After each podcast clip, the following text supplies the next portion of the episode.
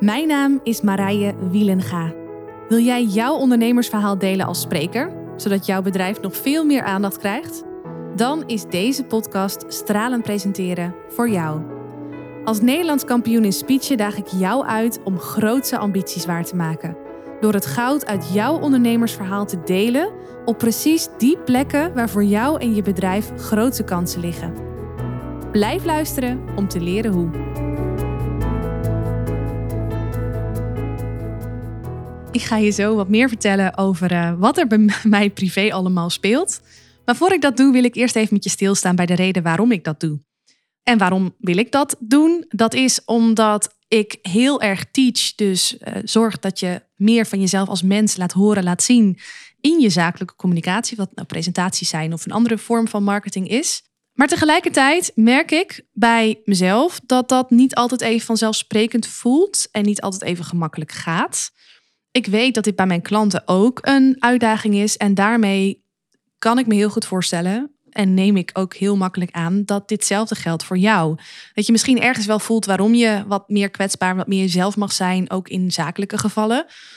Maar dat je tegelijkertijd ook heel erg de neiging voelt om dat vooral niet te doen. Nou, laat me eerst even kort delen waarom ik het wel doe en ook heel bewust doe en mijn klanten ook aanbeveel om het te doen en ze daarbij aanmoedig. Allereerst is dat omdat meer kwetsbaar zijn in je communicatie zorgt voor veel meer verbinding. Verbinding, vertrouwen en diepgang met je publiek. Of dat nou een fysiek publiek is of een online publiek. Als jij jezelf als mens meer openstelt, zullen de mensen in jouw publiek zich veel meer als mens kunnen verbinden met jou. Wat mensen willen is het gevoel hebben dat jij net bent als zij. Dat jij ook maar gewoon mens bent. Je hoort wel eens uh, in marketinggebied, uh, hoor je wel eens dingen zeggen als mensen kopen van mensen en niet van bedrijven. Waarbij wordt bedoeld en aangemoedigd om juist ook persoonlijk te zijn in jouw verkooprelatie met de klant. Als jij je opstelt als een zakelijke robot, dan gaan mensen niet het vertrouwen, de verbinding voelen. Niet zoveel als wanneer je ook wat meer kwetsbaarheden deelt, wat authentieker bent in je communicatie. Dus allereerst zorgt meer persoonlijk zijn voor meer verbinding, vertrouwen en diepgang. En trek je daarmee ook meer mensen aan die dus echt bij jou passen. Die dus niet alleen gaan voor heel plat je producten voor je dienst, maar die echt gaan voor jou, de ziel daarachter, de filosofie achter je bedrijf, de filosofie achter je producten en diensten. Wat ik zelf merk, wat ook echt een voordeel heeft, ondanks de drempel eh, die ik voorafgaand aan het meer persoonlijk zijn ervaar, is dat als ik dat wel doe, als ik mezelf wel toesta meer persoonlijker te zijn, dat ik mezelf dan in dat moment ook meer thuis voel. Ik heb dat in de eerste podcastaflevering ook gedeeld met je. Daarin vertel ik dat ik ook heel veel presentaties heb gegeven in mijn zakelijke rol binnen de financiële sector. Daar was het echt uit den boze, voor mijn gevoel en in mijn overtuiging, dat je jezelf mocht zijn tijdens de presentatie die je gaf. En het maakte me helemaal niet blij. Ik had echt het gevoel dat ik niet, ja, dat ik niet welkom was of zo. En in die end had dat alles met mijn eigen instelling te maken, want niemand heeft dat ooit zo tegen me gezegd. Maar toch, nu ik in mijn huidige leven en werk meer mezelf ben, ook in het openbaar, om het even zo te zeggen, voel ik mezelf ook meer thuis. ik, ik wijs mezelf niet meer af. Ik wijs stukjes van mijn persoonlijkheid niet meer af of ik verberg ze niet meer. En dat is gewoon heel erg fijn voor mij. Een derde reden om dit te doen is heel plat gezegd dat persoonlijke, authentieke posts, persoonlijke, authentieke verhalen, in welke vorm dan ook, veel beter scoren, marketing-wise, dan de meer oppervlakkige verhalen. Ik zie dat zelf ook keer op keer weer. Als ik een podcast-aflevering deel, gewoon puur met de boodschap: joh, dit is een nieuwe podcast-aflevering, ga hem luisteren nou, zo doe ik dat eigenlijk nooit, maar ik het eventjes wat meer zwart-wit uh, noemen. En dat ik zo'n soort post zet naast een post die ik bijvoorbeeld gisteren deed, waarin ik vertelde, nou, wat ik je straks ga vertellen, een stukje persoonlijke uh, ontwikkeling op basis van uh, de verhuizing waar wij middenin zitten. Dan merk ik gewoon dat daar veel meer naar gekeken wordt, maar dat er ook veel meer reacties op komen en ook veel meer persoonlijke reacties op komen. Niet altijd onder het bericht, maar dan in ieder geval ook wel in de, de DM of misschien zelfs wel via andere kanalen. Dus marketing-wise is het ook gewoon veel interessanter om echtere verhalen te delen, meer persoonlijke verhalen te delen, dan alleen een platte marketingboodschap. Natuurlijk kleven er ook nadelen aan meer persoonlijk zijn in je zakelijke uitingen. Zo zul je merken dat er veel meer verdeeldheid ontstaat. Daar waar mensen, de meeste zakelijke mensen, professionals op een platform als bijvoorbeeld LinkedIn vrij oppervlakkig blijven, niet zichtbaar zijn of misschien een beetje zichtbaar zijn, maar dan wel ja, veel mensen hebben die naar ze kijken, die naar ze luisteren, als ze dan toch iets posten. Daar zul je merken dat als je meer persoonlijk bent, meer zichtbaar bent, meer uitgesproken bent, dat die groep mensen zich veel meer gaat polariseren. En ontstaan echt overduidelijk twee kampen.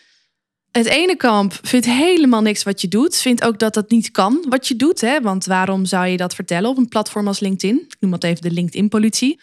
Dat hoort toch op Facebook thuis, bijvoorbeeld? Of uh, ik ben het gewoon niet met je eens. En er komt dan een hele heel epistel achter. Maar naast dat zul je merken dat er ook meer mensen zijn die nog veel meer aangaan op jou en je bedrijf en dat wat je doet, dan dat ze ooit eerder gedaan hebben. Omdat ze zich nog meer kunnen identificeren met jou of met dat wat je, wat je doet op een diepere laag.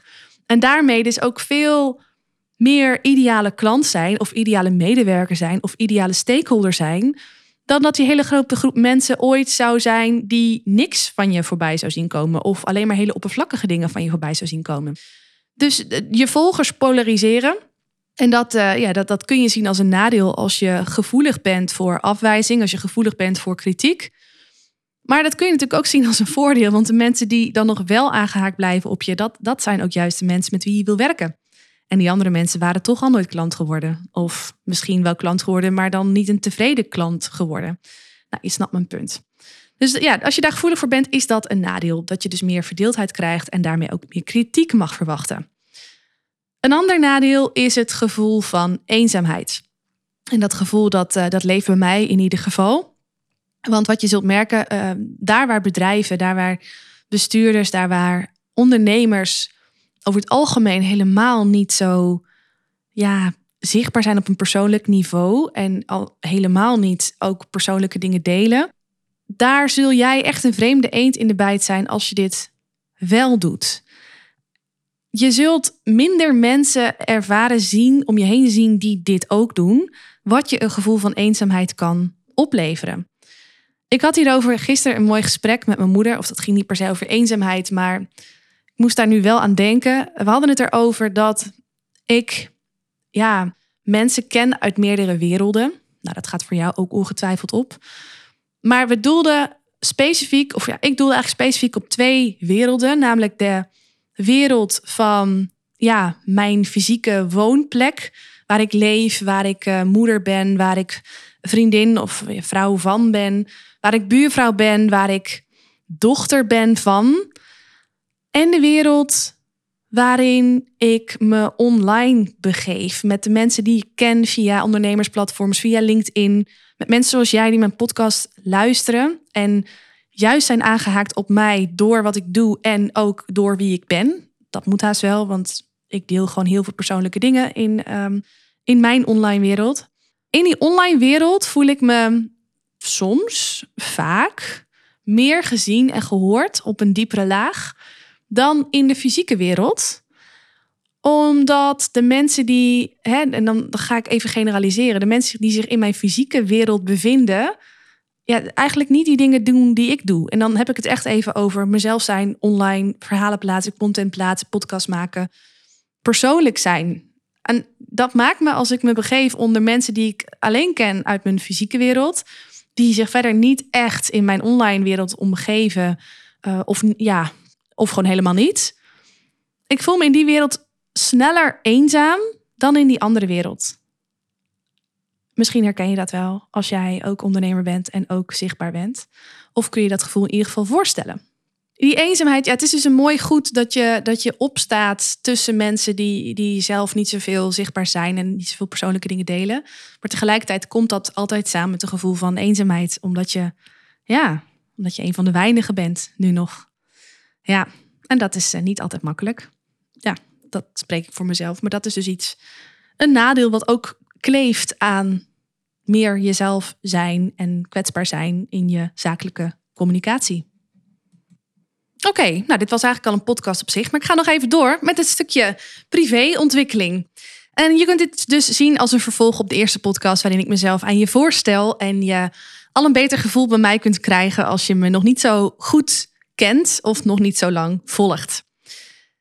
Ik uh, woonde tot vorige week in Zwolle. Nou moet je weten, ik kom oorspronkelijk uit de Noordoostpolder, een plaatsje genaamd Luttelgeest. Als je het al kent, dan ken je het misschien vanwege de orchideeënhoeve. Een uh, groot, ja, wat is het, overdekt tropisch paradijs slash speeltuin uh, die landelijk uh, ja, heel goed bekend staat. Je kunt het ook kennen van het asielzoekerscentrum. We hebben hier al, nou, zolang ik weet, een asielzoekerscentrum. En onlangs was er sprake van dat er nog een tweede asielzoekerscentrum naast of bijgebouwd zou worden.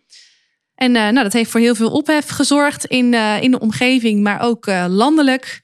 Wat men daarvan vond, is in veel kranten geweest, journaal geweest en zo. Dus daar zou je het ook van kunnen kennen. En voor de rest, nou, vergeef ik het je als je niet weet waar het is.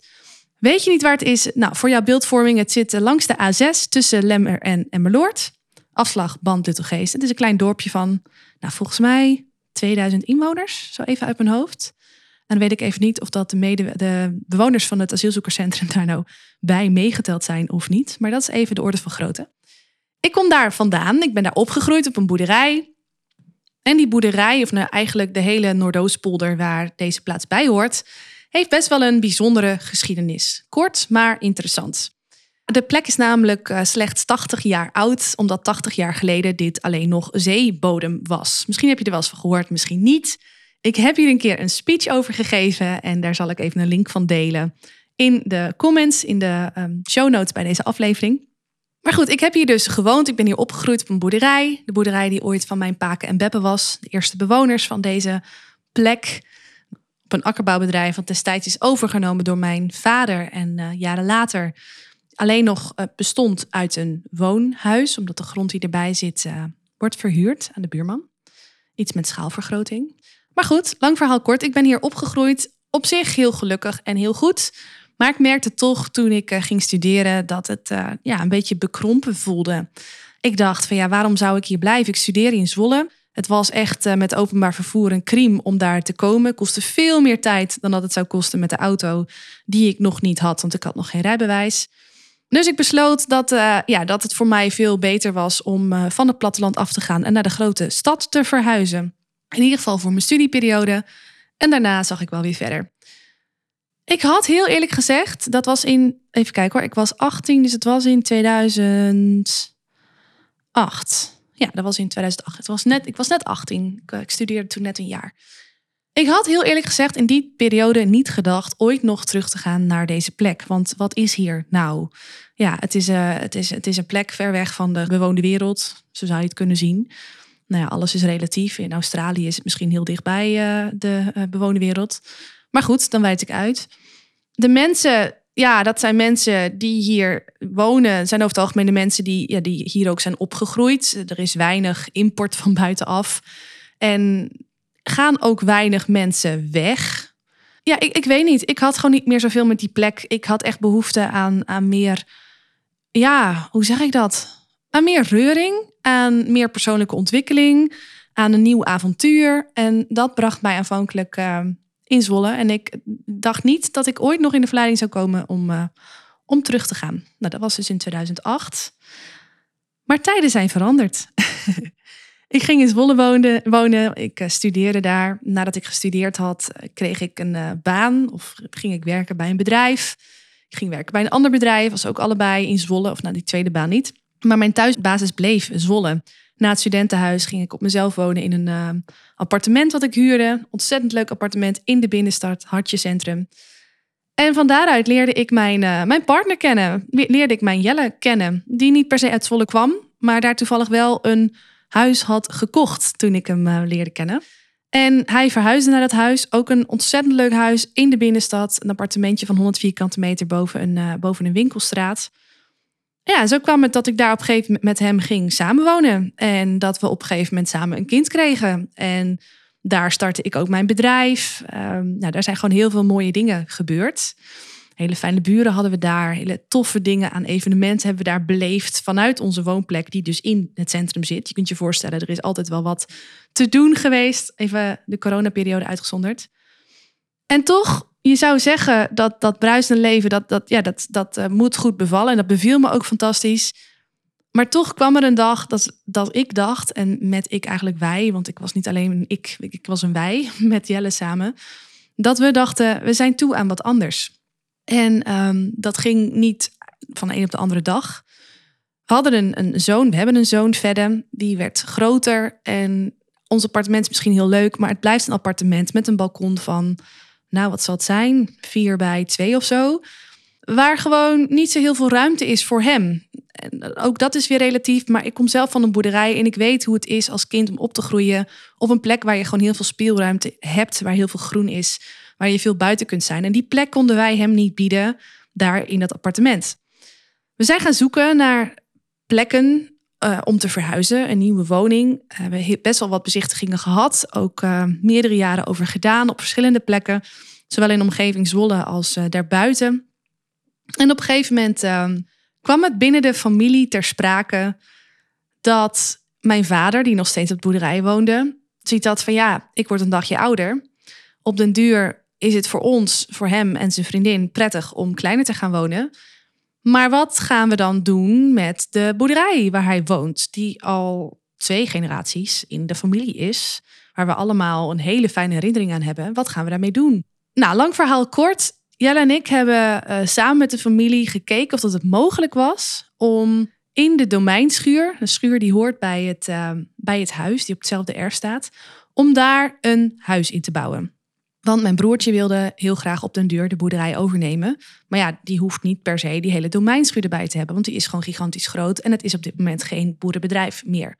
Mijn broertje is ook geen boer, dus die schuur is leuk, maar is niet per se heel nuttig. Nou, dat, hebben we een heel eind onderzocht, maar dat bleek uh, nogal wat meer voet in de aarde te hebben dan, uh, ja, dan gedacht. Dus dat, dat idee is geklapt. Wij zijn ons toen gaan realiseren van, oh, het is wel heel tof als we dan toch op zoek zijn naar een plek voor meer, met meer ruimte voor verder. Om op zoek te gaan in de plek waar we ook dicht bij familie wonen. In ieder geval bij mijn familie. Mijn uh, beide ouders, ze zijn gescheiden, maar die wonen allebei in de Noordoostpolder. Mijn zusje woont er, nou ja, net buiten de polder, maar wel relatief dicht bij de plek waar we vandaan komen. Mijn broertje woont er en Jelle's ouders wonen zo ver weg dat daar wonen überhaupt geen optie is. Maar de behoefte ontstond wel om ook dichter naar familie te gaan. Ik heb ze nooit zo gemist de afgelopen jaren, want we wonen op 40 minuten rijden afstand, wat niet heel ver is. Maar sinds verder er is, merken we gewoon allebei dat je niet even bij elkaar langs wipt voor een bakje koffie of even bij te praten. Je moet dan al snel een afspraak maken. En ja, met verder erbij voelde dat gewoon als een vrij grote drempel. Ik gun verder voor hem dat zijn opa, opa's eigenlijk en oma's meer in zijn leven zijn dan in het leven waarbij ze op 40 minuten afstand rijden, leven. En ik gun het mijn ouders, mijn hele familie, om ook hun kleinzoon van veel dichterbij op te zien groeien. Dus zo combineerden we onze nieuwe woonwens ook met de, uh, ja, met de, met de meer voorwaarden aan de, aan de locatie. En gingen we op zoek naar een, uh, een boerderij, of in ieder geval een plek in de Noordoostpolder. Meerdere bezichtigingen ook gehad. En uiteindelijk kwam er een, uh, een boerderijtje op ons pad, een woonboerderij, zonder land dan. Waar we heel veel, ja, waar we eigenlijk verliefd op werden. Het is een plek ook in Luttelgeest met een mooi stukje land eromheen. Land, denk dan niet aan land uh, van landbouw, maar denk aan een uh, groot gezon, uh, bomen, een schuurtje, twee schuurtjes eigenlijk. Gewoon echt een hele mooie plek in het, ja, in het dorp Littelgeest.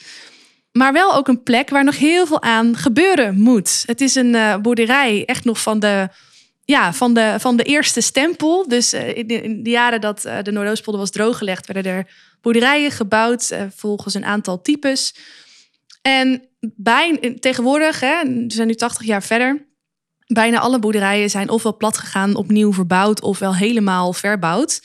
Om ja, eigenlijk meer naar de standaard en de luxe van nu te leven. Nou, dat is bij heel veel boerderijen gebeurd, bij deze boerderij nog niet. Dus het is best wel uh, primitief, authentiek, leuk. Maar in de huidige staat niet helemaal naar onze wens om er zo te gaan wonen. Voor je beeldvorming, het is een boerderij waarbij uh, het gebouw uh, voor een derde bestaat uit woning. Voor een derde bestaat uit ja, bewaarplek eigenlijk. Uh, aardappelbewaarplek, dus een grote schuur. En voor een derde bestaat uit een koeien- en paardenstal. Ja, en die tweede en dat derde deel worden natuurlijk niet meer gebruikt. Dus wij hebben de wens om daar in zijn geheel een woning van te maken. Nou, dat heeft nogal wat, uh, ja, dat houdt nogal wat in. Maar wij zagen dat wel, uh, wel zitten.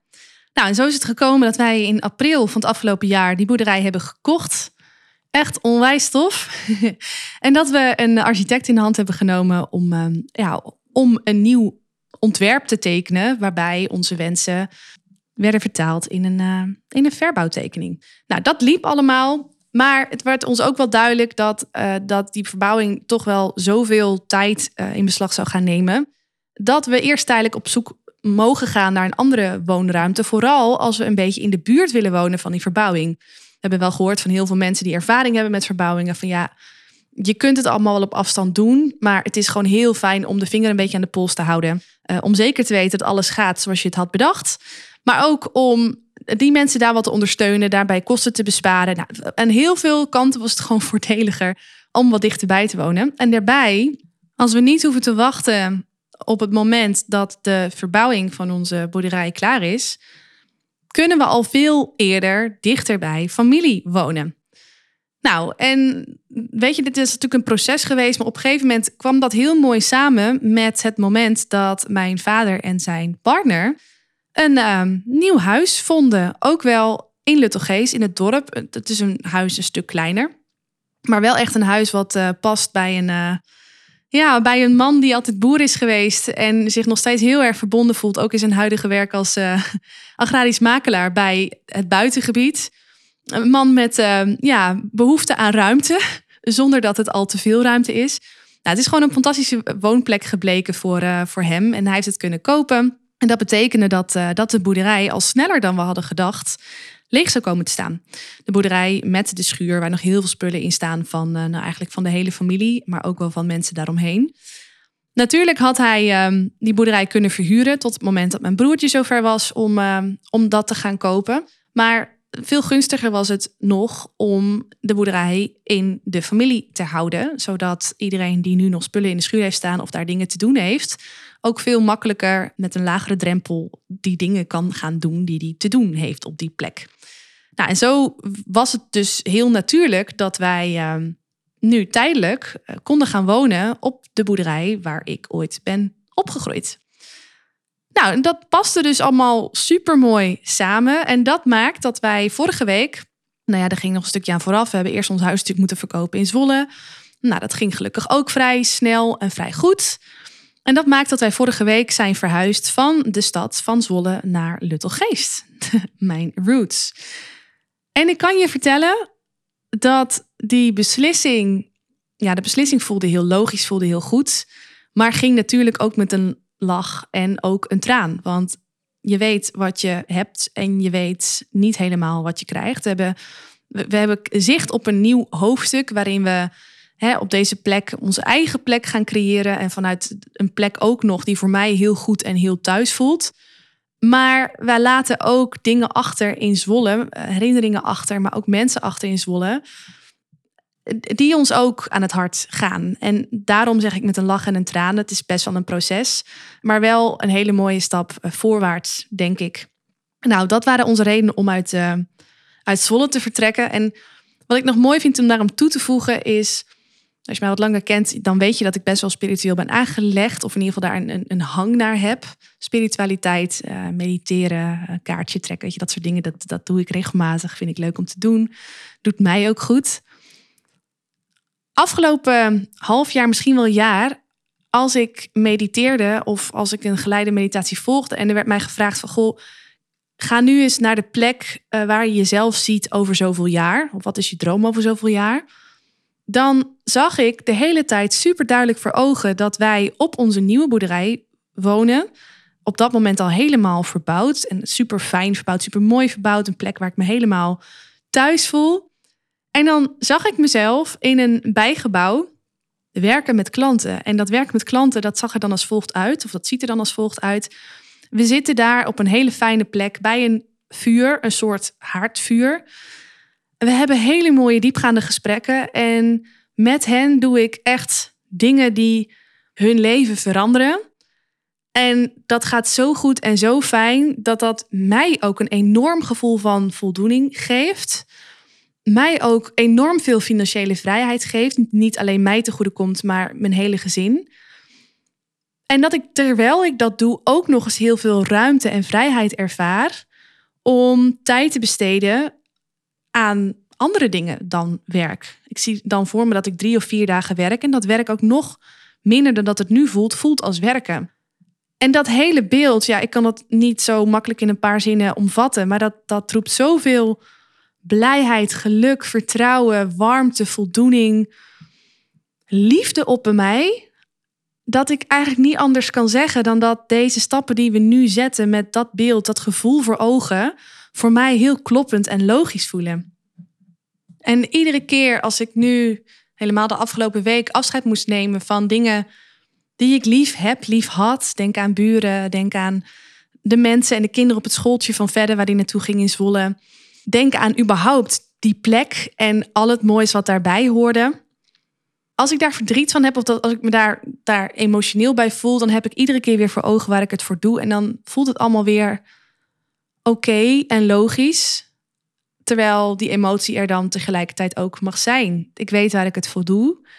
Ik weet waar ik het voor doe. En dat sommige dingen me zo raken, betekent ook dat ik me zo heb opengesteld voor die andere kant van het verlies. En dat is liefde. Nou, met, met deze ontwikkeling komt ook, um, ja, komen ook persoonlijke uitdagingen kijken. En ook die wil ik graag met je delen. En die persoonlijke uitdagingen die uh, ja, hebben te maken met mijzelf, maar ook zeker met mijn werk.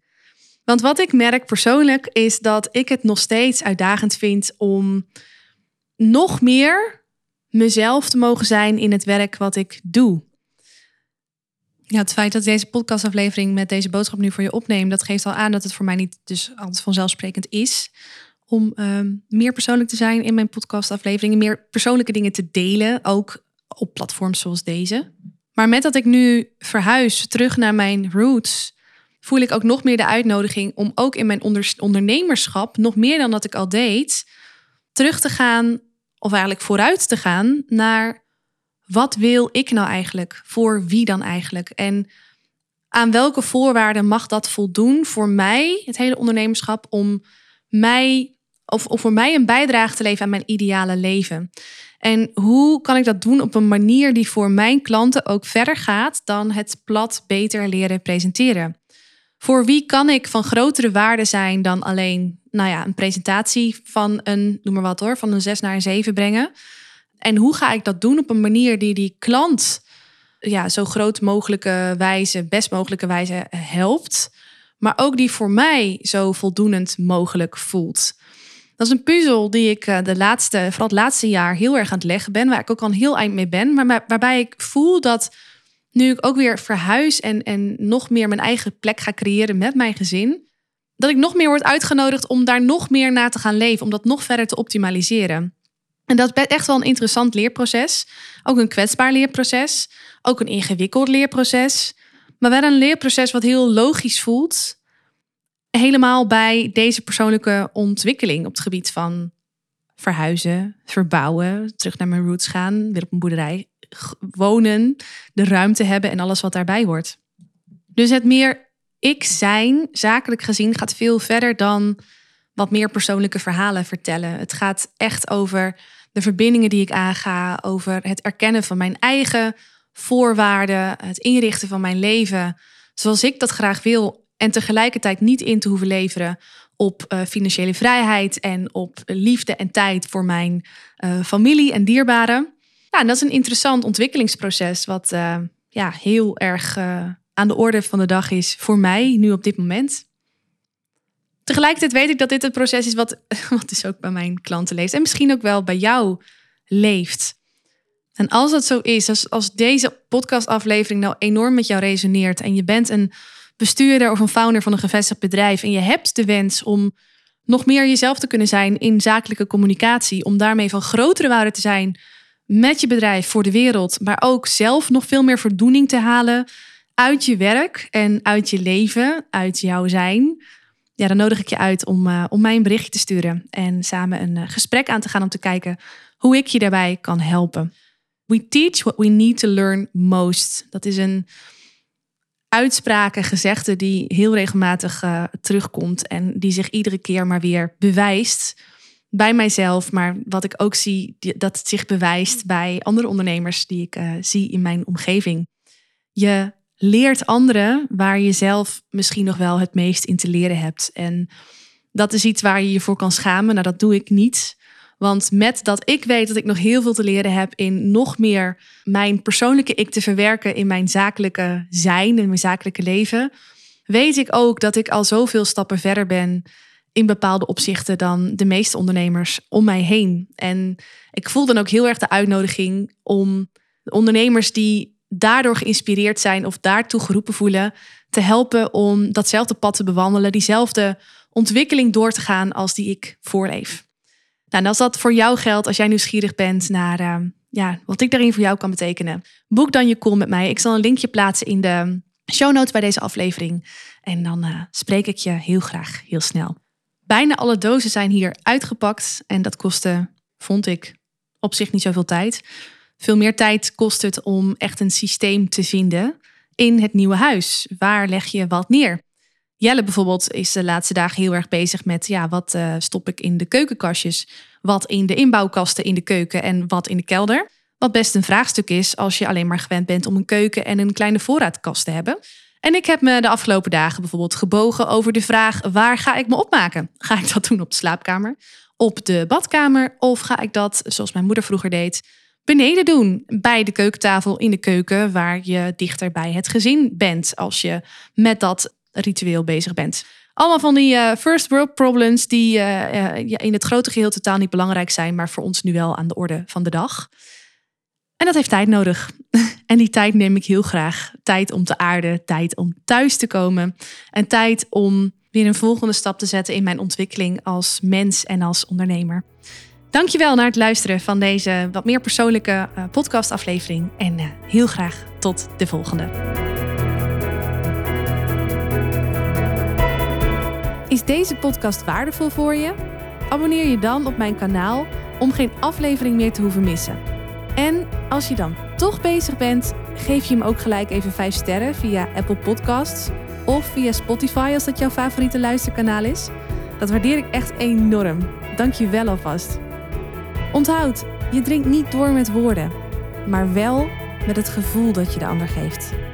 Tot de volgende aflevering.